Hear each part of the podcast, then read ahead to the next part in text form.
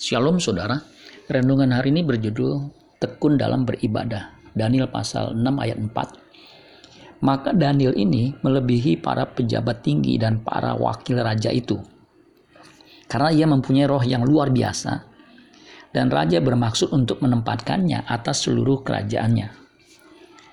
Dalam terjemahan New King James Version bunyinya seperti ini.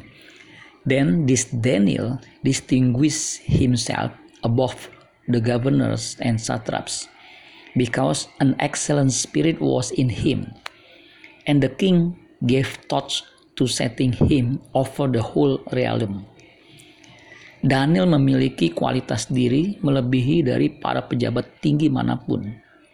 Daniel distinguished himself above the governors and satraps. Daniel sangat berbeda. Ia berada di atas para gubernur dan para wakil raja. Yang membuat Daniel berbeda dan di atas rata-rata pejabat istana raja adalah karena ia mempunyai roh yang luar biasa. Daniel punya excellent spirit. Yang membuat Daniel memiliki excellent spirit karena ketekunannya dalam beribadah kepada Allahnya. Tiga kali sehari ia biasa berlutut berdoa serta memuji Allah Yahweh. Hal itu diakui oleh Raja Darius. Raja Darius melihat dan tahu persis Daniel tekun dalam beribadah kepada Allah.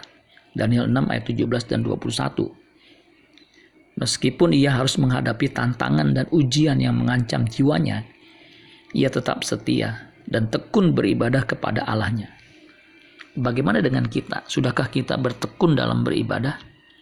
Amin buat firman Tuhan. Tuhan Yesus memberkati. Sola Gracia.